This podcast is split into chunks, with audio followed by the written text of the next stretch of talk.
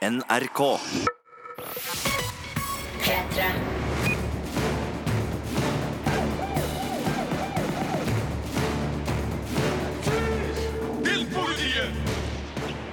En splitter ny podkast fra Filmpolitiet er i emning.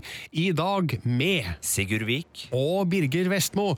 Og vi har sett film, vi har testa spill, og vi har eh, en del seriestoff å by på i dag også, Sigurd. Ja, det, Vi kan jo ta den store godbiten først, og det er jo Joakim Triers Thelma, som har eh, kinopremiere endelig etter at vi har fått, du har fått luekikka på på filmfestivalen i Haugesund, og jeg har gått og hørt om den. Jeg har endelig fått sett den nå, så den må vi jo ta en realprat om. Ja, og dessuten skal vi snakke om Darren Aronofskys nye film Mother, som da skrives eh, med liten M og utropstegn til slutt. Han er litt sånn kunstnerisk, han der, eh, Darren. Ja, han er det, og også i den nye filmen, som har Jennifer Lawrence, Javier Bardem, Ed Harris og Michelle Pfeiffer i fire viktige roller.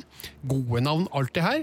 Eh, på spillfronten skal vår eh, filmpoliti-ekskollega, eller assosiert medlem, eh, skal vi kanskje si det sånn? Ja, hvis, du, hvis du sier X, så har jeg lyst til å gå og gråte i dusjen, for da er jo hjertet mitt knust. Og sånn som vi sier eh, deputy. Assosiert medlem Rune Håkonsen skal um, snakke om Destiny 2, som er ut på um, PlayStation 4 og Xbox One. Og så skal vi anmelde Better Things sesong to, som er en av de kuleste familiekomediene jeg vet om for tida, som begynner på HBO Nordic i dag. Og så skal vi jo selvfølgelig snakke masse om Emmy, som er nå på søndag. Og ikke minst Nordiske seriedager awards, som er en egen pris som arrangeres for andre år, eh, og som har eh, sluppet sine nominerte. Så der må vi også se på om Norge, Sverige og Danmark eh, sine fineste serier er noe å skrive hjem om.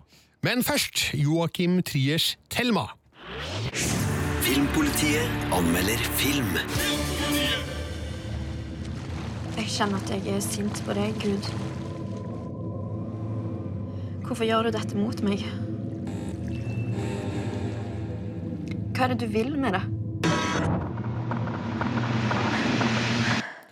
Joakim Triers Thelma har norgespremiere i dag, noen uker etter at den åpna filmfestivalen i Haugesund, og uka etter at den ble valgt ut som Norges Oscar-kandidat.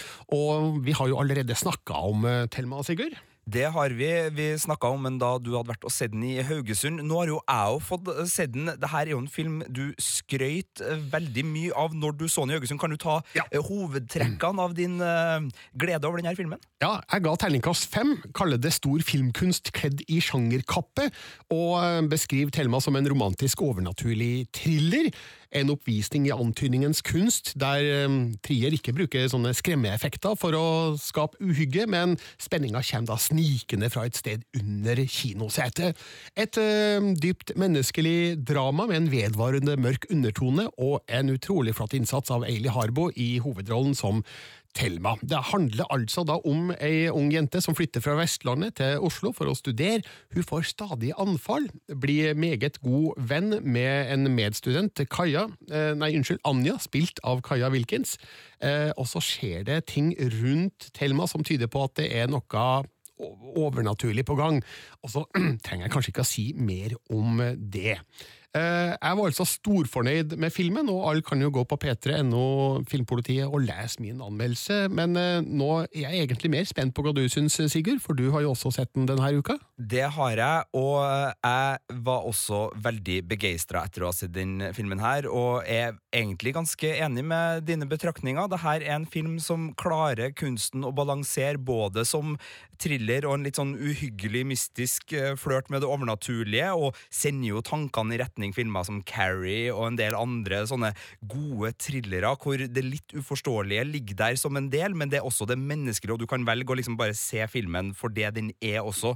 Eh, I tillegg til at den har veldig sånn fine stemninger og, et, og noen rolleportrett som er aldeles nydelig. Man blir jo umiddelbart fenga av Thelma. Eli Harbo spiller jo helt nydelig. nydelig.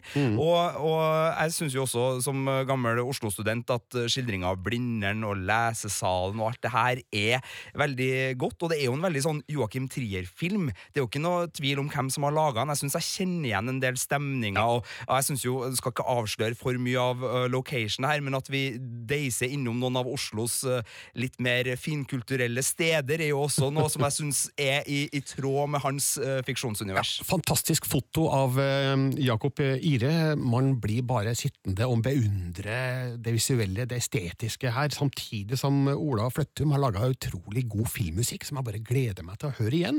Eh, så det er mange lekre ting å merke seg ved, ved Thelma, som, som hever hele filmopplevelsen. Og så må man jo si, uh, For dem som syns det her høres ut som en litt sånn kunstfilm og er litt skeptisk til å se den, jeg vil også si dem som har vært glad i litt sånn type uh, superheltfilmer og skrekkfilmer, som har hatt en litt sånn uh, spennende nerve i forhold til hva et menneske kan gjøre, kan også finne mye glede her. Altså, det er ikke en, en for rar film i så måte. Altså, folk som har likt Split, folk som har likt Unbreakable, altså Shyamalan-filmer. Altså, det, det, er mye her for mange, ja. syns jeg. Så det er en veldig rik filmopplevelse. Men det er ikke sånn The Conjuring-film? Nei, nei, nei, det, man skvetter ikke så mye. Nei, Men, uh, men man, uhyggelig? Uhyggelig, det er det absolutt. Og uh, som sagt, Filmpolitiets offisielle karakter til Thelma er Terningkast fem. Natt til mandag skjer det store ting i Los Angeles på TV-fronten, Sigurd. Det gjør det. Da er det klart for den 69. utgaven av Primetime Emmy Awards, hvor bransjen samles for å hedre seg sjøl og dele ut priser til de aller beste seriene. Emmy er vel godt kjent, men vi kan jo da si for enkelthets skyld at det her er TV-bransjens Oscar-utdeling? Det er det, og det er da bransjen sjøl som stemmer fram det her, i motsetning til Golden Globe, som er den andre store TV-premien, hvor det er The Foreign Press Association, altså utenlandske journalister i Hollywood, som deler ut prisen, så er det her den høytstående bransjeprisen, hvor manusforfattere nominerer manusforfattere, osv. Litt som Kanonprisen her i Norge, hvis man skal trekke en parallell. Og det her gjelder altså da amerikanske serier. Det gjør det. Det må ha gått på en plass hvor mer enn jeg tror det er 50% av amerikanske TV-tittere har tilgang. Altså, det er masse regler her, men det er amerikanske TV-serier, ja. Ok, hvem er nominert i de eh, største, viktigste, feiteste kategoriene? Det er jo dramaserien som kanskje er den som henger aller høyest, og der er House of Cards, Better Call Saul, The Crown, The Handmaid's Tale, This Is Us, Westworld og Stranger Things nominert. Ah, mye bra der, mye bra der. Mye bra der. Det eneste jeg ville ha pælma ut på hodet, er jo House of Cards sesong fire, som jeg syns var Øh, nei da, det er terningkast tre. Jeg syns det er gørrkjedelig. Jeg er så lei uh, Frank Underwood nå at uh, det får bare være. Men, uh, og ingen Game of Thrones, selvfølgelig, fordi Game of Thrones starta så seint i år. Så dem som bare What? No Game of Thrones? Det er fordi den ikke får lov til å være med i løpet, rett og slett. Ja, Så det blir eventuelt da neste år? Det blir eventuelt men, neste år. Men blant de her nominerte, bortsett fra House of Cards, hvem tror du har størst Emmy-sjanser? Jeg tror This Is Us, som har gått på TV3 her i Norge, og som er en veldig fin familiedramaserie, med blant annet fjorårets vinner Sterling K. Brown i en av hovedrollene, er den som kommer til å vinne. Den går på NBC. Den er liksom litt for alle, og Emmy-juryen har en tendens til å være litt sånn glad i det som er uh, litt sånn minste felles multiplum, som alle kan kose seg med. Men jeg håper jo at enten Stranger Things eller Westworld, som har Ingrid Bolse Berdal i en av sine sentrale biroller, uh, klarer å vinne. Men jeg tror This Is Us, som for all del er kjempegod. uh, stikker av med det her for amerikanerne. De er glad i familiedrama. Ut. I beste komiserie er følgende nominert VIP, Atlanta, Blackish, Master of None, Modern Family, Silicon Valley og Unbreakable Kimmy Schmidt. Ja. Du har oversikten over de òg, Sigurd? Jeg har det, og av de seriene så er jo mine favoritter Atlanta, som da er en hiphop-dramedie med Donald Glover, som vi snart får se i Han Solo-filmen som eh, kommer for Star Wars-fansen der, og Master of None, Aziz Ansari sin helt nydelige, lille, merkelige sak, hvor han i ene episoden befinner seg i Italia i en sort-hvitt-episode der han seg, lærer seg å lage pasta, og i neste episode så uh, er han uh, på, på nattklubba i New York. Veldig fin, uh, fint driv der. Men jeg tror vel Altså, Modern Family kommer ikke til å vinne. Den har slutta å vinne. Den brukte å vinne, men den er jo ikke bra lenger, sånn egentlig. Men uh, Julia Louise Dreyfus er knallgod som uh, visepresident, eller tidligere president nå, uh, Selina Meyer, og Veep er vel den store favoritten der. Ok, ja, overraskende. Jeg driver og ser den siste sesongen nå, og syns at det har gått litt nedover etter sesong fem, som jeg syns var hylende morsom. Men... Jeg er ikke uenig Den har i hvert fall blitt annerledes eh, i sin sjette sesong. eh, og så har vi jo litt eh, VIP-nytt som vi skal ta, men det skal vi spare litt, eh, tror jeg, for dere som er interessert i VIP. Eh, følg med videre i Filmpolitiet. La oss ta beste miniserie til slutt, eh, kort. Big Little Lies, Feud, The Night of, Fargo og Genius. Ja, her må jeg bare si Genius, som går på National Geographic, har ikke jeg sett, så den må jeg bare si at jeg ikke aner noe om. Men resten er jo fire knallgode kvalitetsserier. Personlig så elsker jeg Fargo. Jeg synes Ja! Sesong tre er helt nydelig. Ewan McGregor i tvillingrolle. Kanskje ikke den beste Fargo-sesongen, men fremdeles helt nydelig TV. Men jeg tror Big Little Lies vinner, Birger. Sigurd, du følger Emmy-utdelinga natt til mandag, så få med deg hvem som vinner på p3.no Filmpolitiet. P3. P3. I sted snakka vi om Emmy Awards natt til mandag, men det skal deles ut flere TV-priser den kommende uka i Norge, Sigurd? Ja, og dem som mener at Emmy er teit fordi de ikke nominerte Skam, ja, det er jo fordi de er amerikanske og ikke kan gjøre det ennå, i hvert fall ikke. Eh, Men det kan eh, Nordiske Seriedager Awards, som går av stabelen for andre gang. Det er da under arrangementet Nordiske Seriedager, som er et arrangement som går onsdag og torsdag i Oslo neste uke, hvor annet Vince Gilligan, som har laga Breaking Bad, og Kristoffer Hivju kommer for å snakke om Game of Thrones, og det er ganske gode greier. Førpremierer på serier som Grenseland og Monster, så hvis du er serieinteressert, sjekk ut nordiske seriedager der. Men det er da disse seriene som er nom- nominert til den gjeve prisen vi skal snakke om, Birger, og du har de nominerte, har ikke du det? Ja, i eh, klassen for drama så er Skam nominert eh, fra Norge, Arvingene sesong tre fra Danmark og Innan vi dør fra Sverige. Ja. Det er jo gode serier. Og så har vi jo uh, komiseriekategorien, Ja. hvor eh, Der er det Side om side, sesong fire fra Norge, Ditte og Louise, sesong to fra Danmark, og Bonusfamilien fra Sverige. Og her må jeg innrømme at jeg bare har sett eh, Side om side. Ja.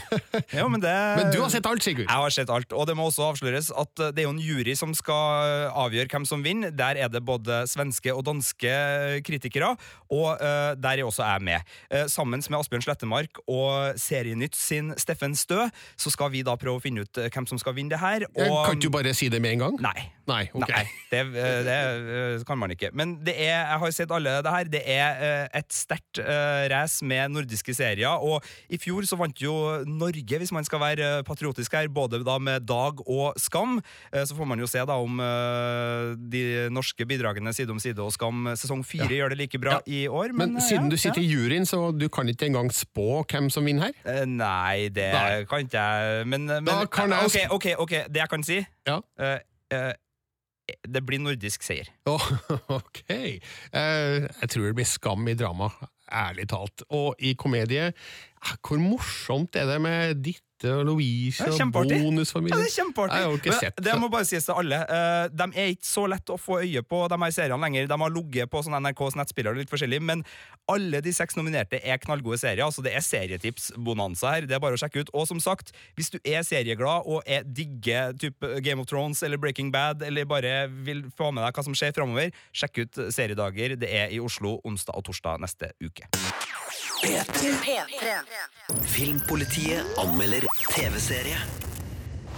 Mom, What? can we adopt a Syrian refugee baby? No. They're dying every day. You're literally murdering a baby by not adopting one right now. Frankie, get out. Dude, sorry. Klipp fra Better Things sesong to, som du har kikka på, um, Sigurd. Premiere på HBO Nordic i, i dag. Den er ute med første episode, den første av ti episoder. Så hver fredag framover på HBO Nordic så kommer det en ny Better Things-episode. Og det må jeg si er en eh, fin ting, syns jeg, for det her er en av de aller beste familiekomediene på TV i dag. Og det er gode folk bak serien. Så absolutt. Eh, De som har skapt serien, er da Louis C.K., eh, kjent for mange. Komiker som har sin egen TV-serie som heter Louis, og som også har drevet med Horace and Pete og masse andre serier i det siste, og ikke minst standup-spesialer, som er ganske morsom. Og så er det da eh, Pamela Adlon, som også har vært med i Louis, men som da eh, tok eh, eh, holdt på å si, nye skritt med, med Better Things og laga en serie løst basert på seg sjøl. Ja, for du, jeg har ikke sett et sekund av Better Things. Du må gi meg et sånn crash course. Veldig enkelt så er da uh, Pamela Adlon spiller Sam, en uh, mor, trebarnsmor, som er singel i uh, cirka Hollywood. Jobber som uh, tegneseriestemmelegger. litt som virkelighetens Pamela Adlon også har gjort mye. og prøver da å få livet sitt til å fungere sånn som hun ønsker, men har tre veldig krevende døtre som eh, utfordrer sin mor på, på alle vis, og også en mor som bor i nabohuset, som eh, kommer innom og lager litt trøbbel. Det her høres ut som klassisk sitcom-opplegg, sånn og det er lett å tenke at liksom sånn oppskrifta er det skjer en krise, absurde ting eh, foregår, og så landes det, og så er det liksom tilbake til normalen med bokslatter og ha-ha-ha, alt det der.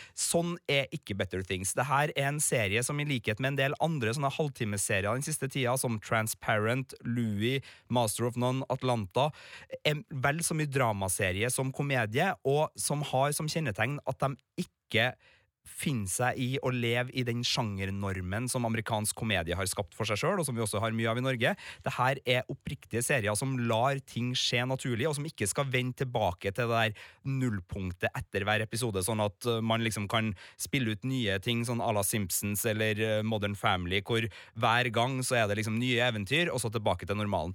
Her er kranglene øh, plutselig i ulike rom, altså vi følger karakterutvikling naturlig, tragediene oppstår, og de eh, døyves ikke ned av klissete feelgood. De får lov til å være der, de får lov til å riste oss, de får lov til å gjøre vondt, og vi, vi får lov til å føle. Og så er det allikevel artig, for det er masse poengterte observasjoner og, og mye moro her. Som du sa, det er da ukentlige episoder. Første episode ut i, i dag, men hele sesong én ligger jo ut på HBO fra før. Eh, Kan det binges? Det kan binges. Det er ikke på en måte det optimale bingeserien. Det er litt som en uh, annen serie som vi på en del andre. De, de er så tettpakka, de her, at de kan bli litt slitsomme å se etter hverandre hele tida, men en sånn to-tre episoder i slengen fordelt over ei helg. Ti episoder, sier du, Birger. Ja. Det klarer du hvis du vil, altså. Hvis jeg vil.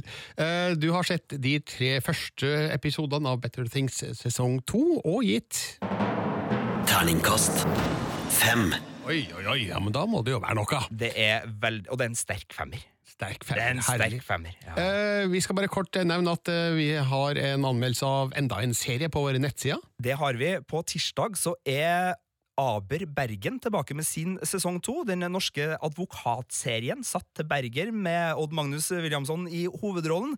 Den er jo ganske kul. Jeg digga sesong én. Fredrik Skage Øyen, vår kollega, har sett sesong to, og anmeldelsen ligger nå ute på p3.no skråstrek filmpolitiet, men premieren er først da på tirsdagskveld. P3. P3. Filmpolitiet anmelder film. Please, come in. Hello. Hello. He's a stranger. We're just gonna let him sleep in our house. Hello. Hello. Did you know he had a wife? What do they want? God help you.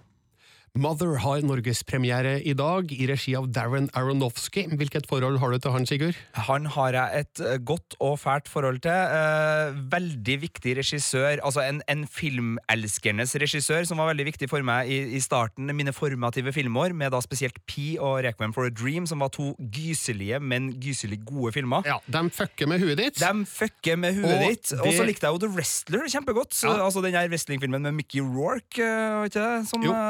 Rasla rundt med det som så ut til å være en slags Axel Rose-maske. Men nå er han tilbake altså med Mother, og nå fucker han med huet igjen, sånn som han gjorde med Requiem for a Dream spesielt. da, Det er liksom den typen film. Og det er litt av en filmopplevelse på godt og vondt, og det, det er en film som deler folk, eh, både publikum og kritikere, og jeg skjønner hvorfor. Eh, Det handler altså da om eh, en forfatter og hans kone som bor i et hus langt ute i skauen, og det er liksom ikke et ordentlig hus eller en ordentlig skau, det er en slags sånn teaterlignende scene for begivenhetene.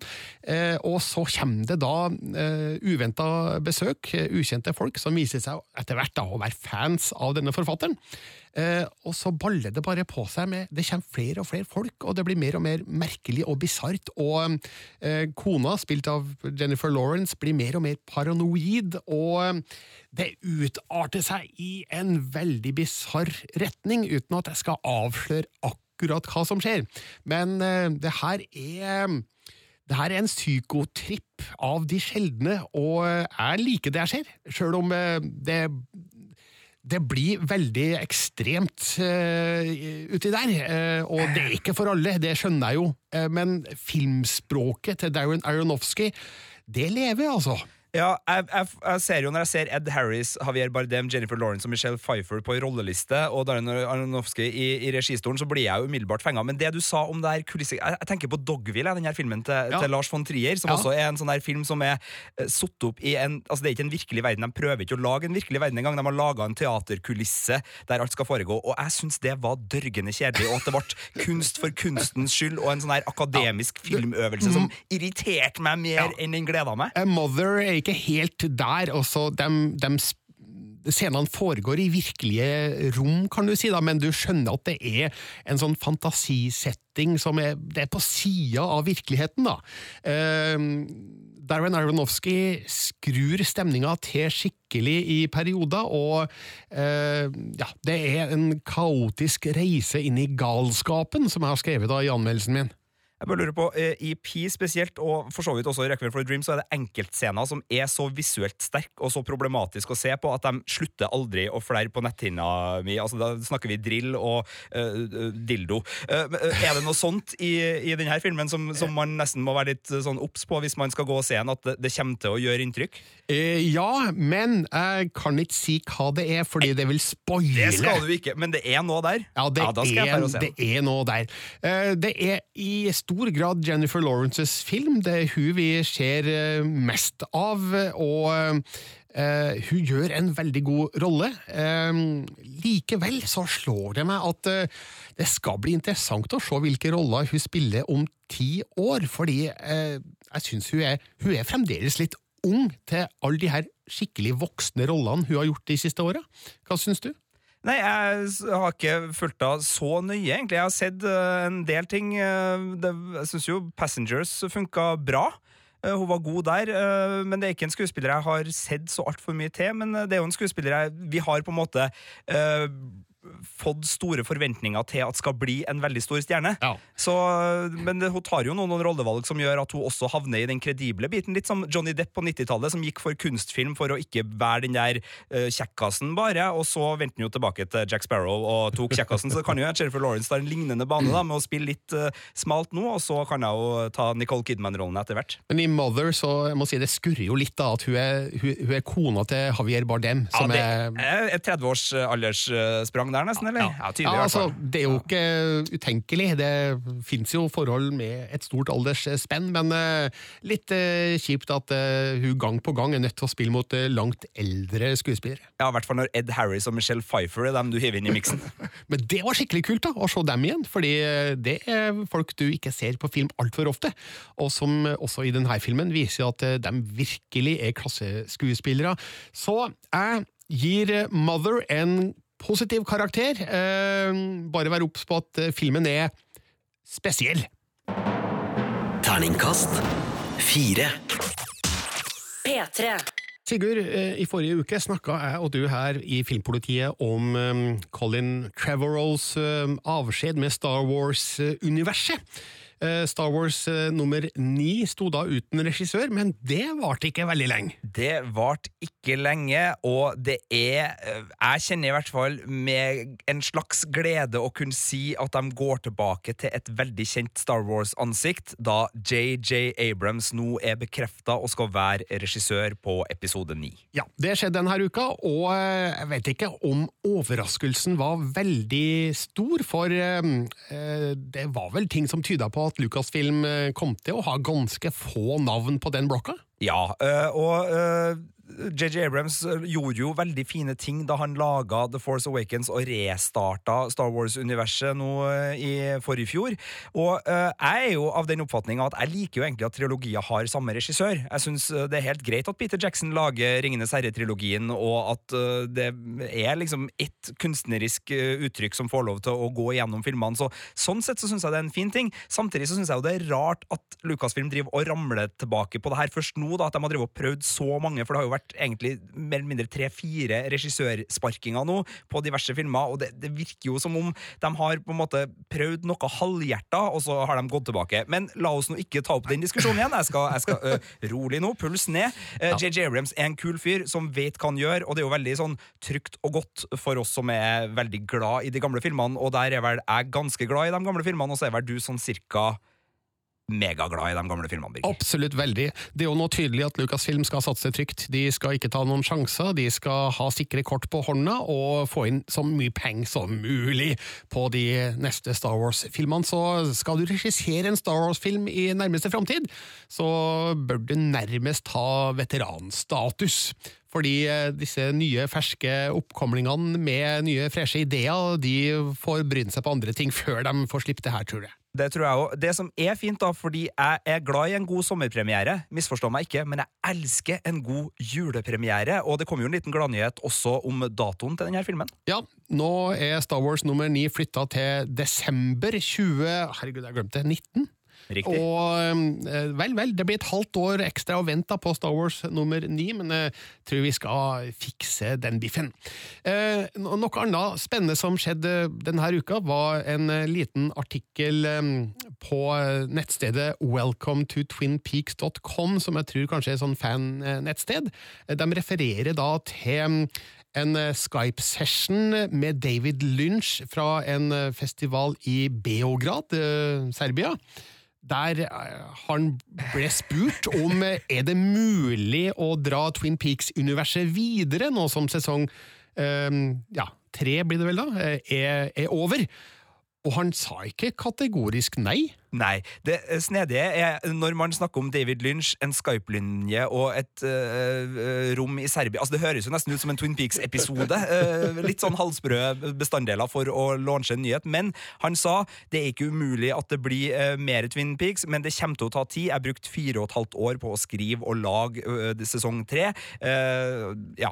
Og Så- vi fikk jo heller ikke på slutten av sesong to, så See you again in 25 years. Vi fikk jo ikke noen sånn avslutningsreplikk. Ikke for å spoile slutten eh, for noen, altså, men det, ko- det kom ikke en så eh, konkret eh, beskjed, i hvert fall. Nei, så eh, det er jo helt uvisst om det kommer mer Twin Peaks, men det er viktig å ta eh, med seg fra denne Skype-greia mellom Lynch og Beograd, er at eh, han sier i hvert fall ikke nei, og da er vi jo i hvert fall et lite skritt nærmere, er vi ikke det? Absolutt.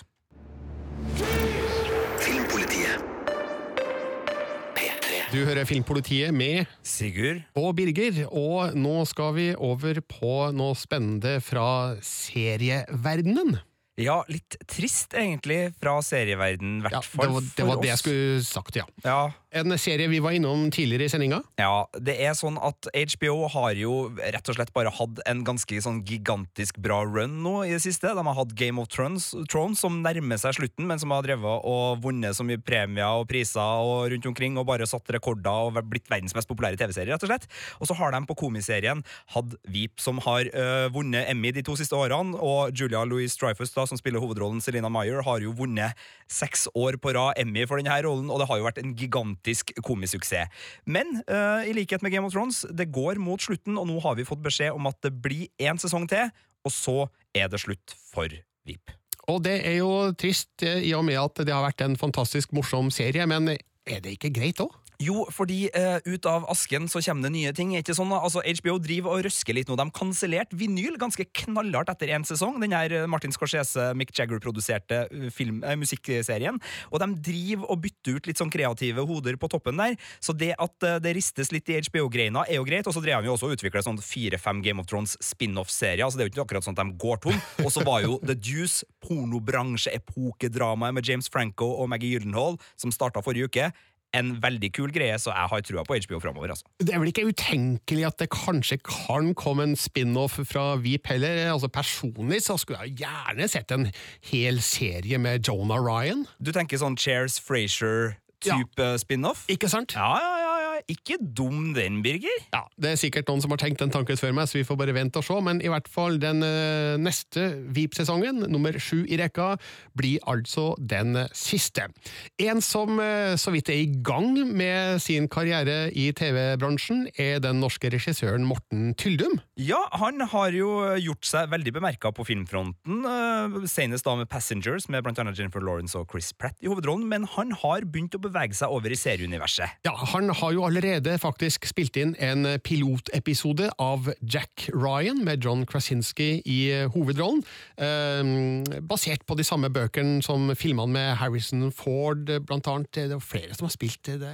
Alec Baldwin Alec i Jakten på rød oktober. Ja. Vi snakker da Overhengende fare, vi snakker Patriotenes spill, vi snakker en av de kuleste CIA-agentene ever. Ja. Eh, Var det, hvem var det som spilte eh, siste filmen? Var det Chris Pine? eller noe sånt? Nei, det, det var, det var Ben Affleck, var det ja, Ben Affleck har også spilt i Rules Ru- Of ja, Et eller annet. Et eller annet. Masse Jack Ryan, i hvert fall. Um, og eh, Den serien kommer senere i 2017, men nå har han da gått inn på en lengre avtale med Paramount Television for å jobbe videre med flere TV-serier. Så det virker som Tyldum tenker at TV-serier er kult. Jeg vil ha en bit av det der, og så joiner han opp for mer. Men det er jo kjempespennende, og det er jo artig å ha en uh, Altså, Vi har jo norske skuespillere i de store seriene, blant annet da Kristoffer Hivju og Ingrid Bolse Berdal. Kult med en norsk regissør også. Absolutt, og ifølge Deadline så skal han jobbe videre på Jack Ryan-serien, og i tillegg så skal han regissere to kommende pilotepisoder for uh, Paramount Television, uten at eh, det er kjent hva det er for noe. Men han er heller ikke helt ferdig med kino, selvfølgelig. Han skal jo da regissere Exit West, basert på Mosins, Mosin Hamids bestselger. Ja, Som handler om immigrasjon og flyktningflukt, uh, blanda med litt eh, andre ting Ja. ut fra beskrivelsen. Så, å, å veksle litt mellom eh, TV og film kan være en smart eh, greie for Morten Tylle. P3. Filmpolitiet anmelder spill. The city is secure. Those who fled are being hunted, and those foolish enough to remain have been executed. Do you see all that I have done? This is great. Anyone want a hug? No hugs. Det her er lyd fra Destiny 2, som nå er ut på PlayStation 4 og Xbox One og kommer til PC litt senere i oktober. Destiny 1 ble anmeldt i 2014 av eh, vår kollega Rune Håkonsen, som nå er tilbake for å bedømme oppfølgeren. Velkommen til Filmpolitiet, Rune. Takk, Birger. Hei sann. Du, Det her høres jo storslagent ut da, på lydene vi hører, i hvert fall fra Destiny 2. Og vet du hva? Spillutvikleren Bungie de er virkelig mestere i å skape disse øyeblikkene hvor du nesten blir stående måpende og se på hva som skjer på skjermen foran deg. Og, og det skjer også i uh, Destiny 2, som de gjorde i Destiny 1. Øyeblikkene når uh, solsystemet holder på å kollapse og romtyranner kommer inn, og du som en helt skal stoppe alt dette, det får jeg gåsehud av gang etter gang etter gang. og det er virkelig en av de store styrkene til Destiny 2. altså. Ja, for Du må bare forklare hva skjer i Destiny-universet. Du, eh, I Destiny 1 så ble vi kjent med en mystisk kule som ankom jorda og ga menneskene eh, ny kunnskap, en ny gullalder. Nå i Destiny 2 så er det selvfølgelig eh, noen utenforstående onde romkrefter som truer dette og nærmest tvinger menneskeheten til randen av utryddelse. Og da er det jo som i spill flest, Birger. Det er ditt eh, oppdrag å redde det hele. Nemlig. Eh, men du, det skulle jo egentlig ikke komme en oppfølger til Destiny, så hva er greia her? Du, Planen var egentlig at Destiny, altså det spillet som kom i 2014, skulle liksom utvikles over tid. og det skulle komme nye utvidelsespakker, og det skulle skje over mange år. Likevel så bestemte utgiveren i Activision seg for at eh, dette tjener vi kanskje ikke nok penger på.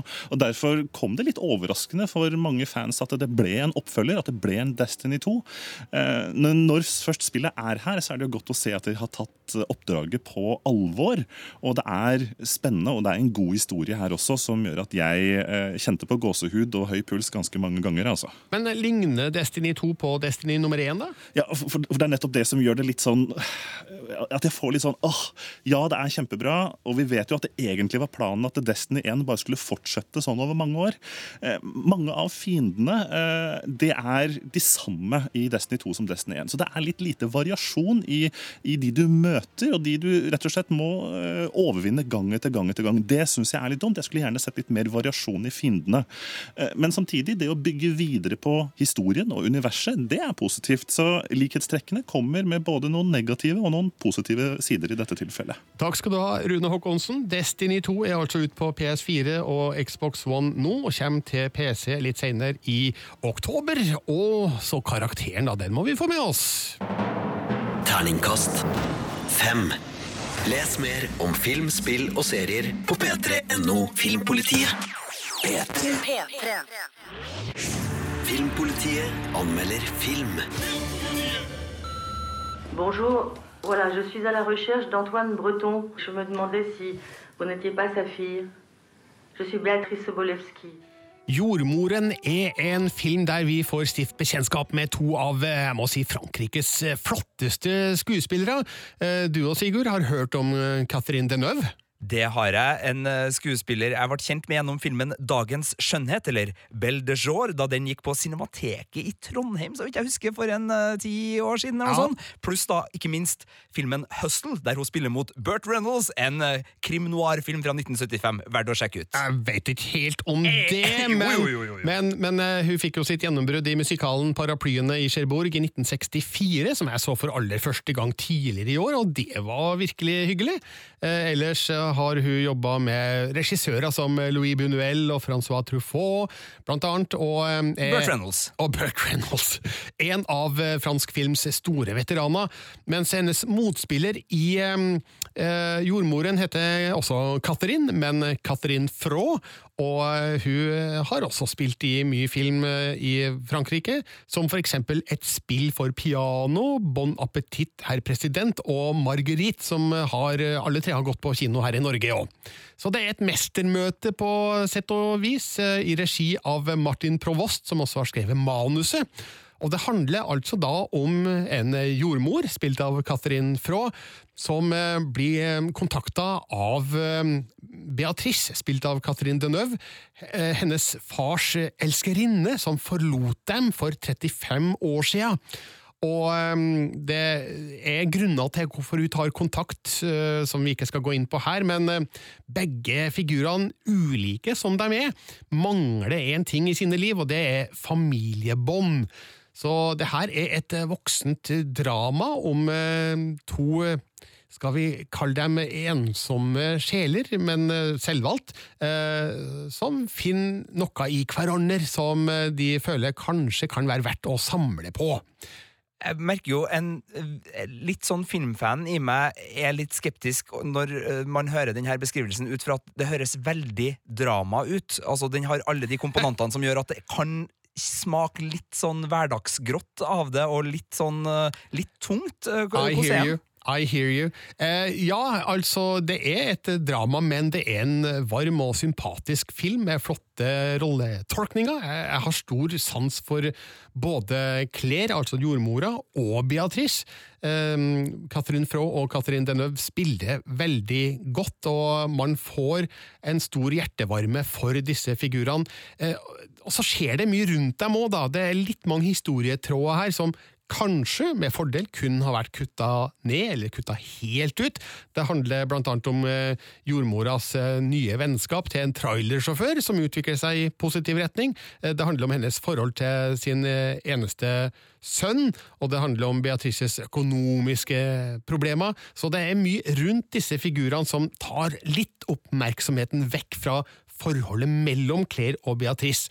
Så ja, Nå er jo ikke jeg noen filmskaper, men eh, jeg er filmkritiker, og jeg tenker at uh, muligens hadde filmen kunne nytt godt av uh, en litt mer uh, historie. Disse økonomiske perspektivene og sånne ting, altså er det noe slags samfunnsrealisme her, og noe samfunnskritikk? Altså Ligger det noe sånn type Mike Lee eller uh, altså, I. Daniel Blake var jo en av Cannes store i, i fjor. Altså Er det noen sånne elementer her? Til en viss grad. altså Når det gjelder Beatrice, altså den her eldre elskerinnen, så er det litt sånn selvvalgt og ja, litt uh, ut ifra sin egen uh, manglende interesse for økonomi som forårsaker hennes problemer, men vi ser også at jordmora Claire eh, jobber på en fødeavdeling som eh, skal legges ned fordi at den er ikke lønnsom.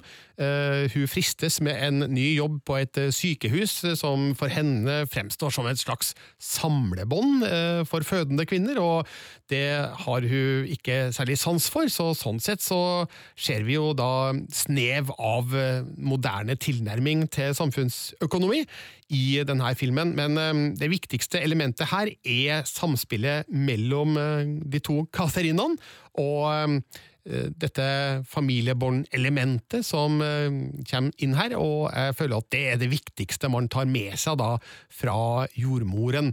Så det, det er en varm historie, fortalt i et behagelig tempo, med skuespillerprestasjoner av god kvalitet. Nå siterer jeg egentlig rett fra anmeldelsen min, som jeg har foran meg her nå, fra P3NO Filmpolitiet.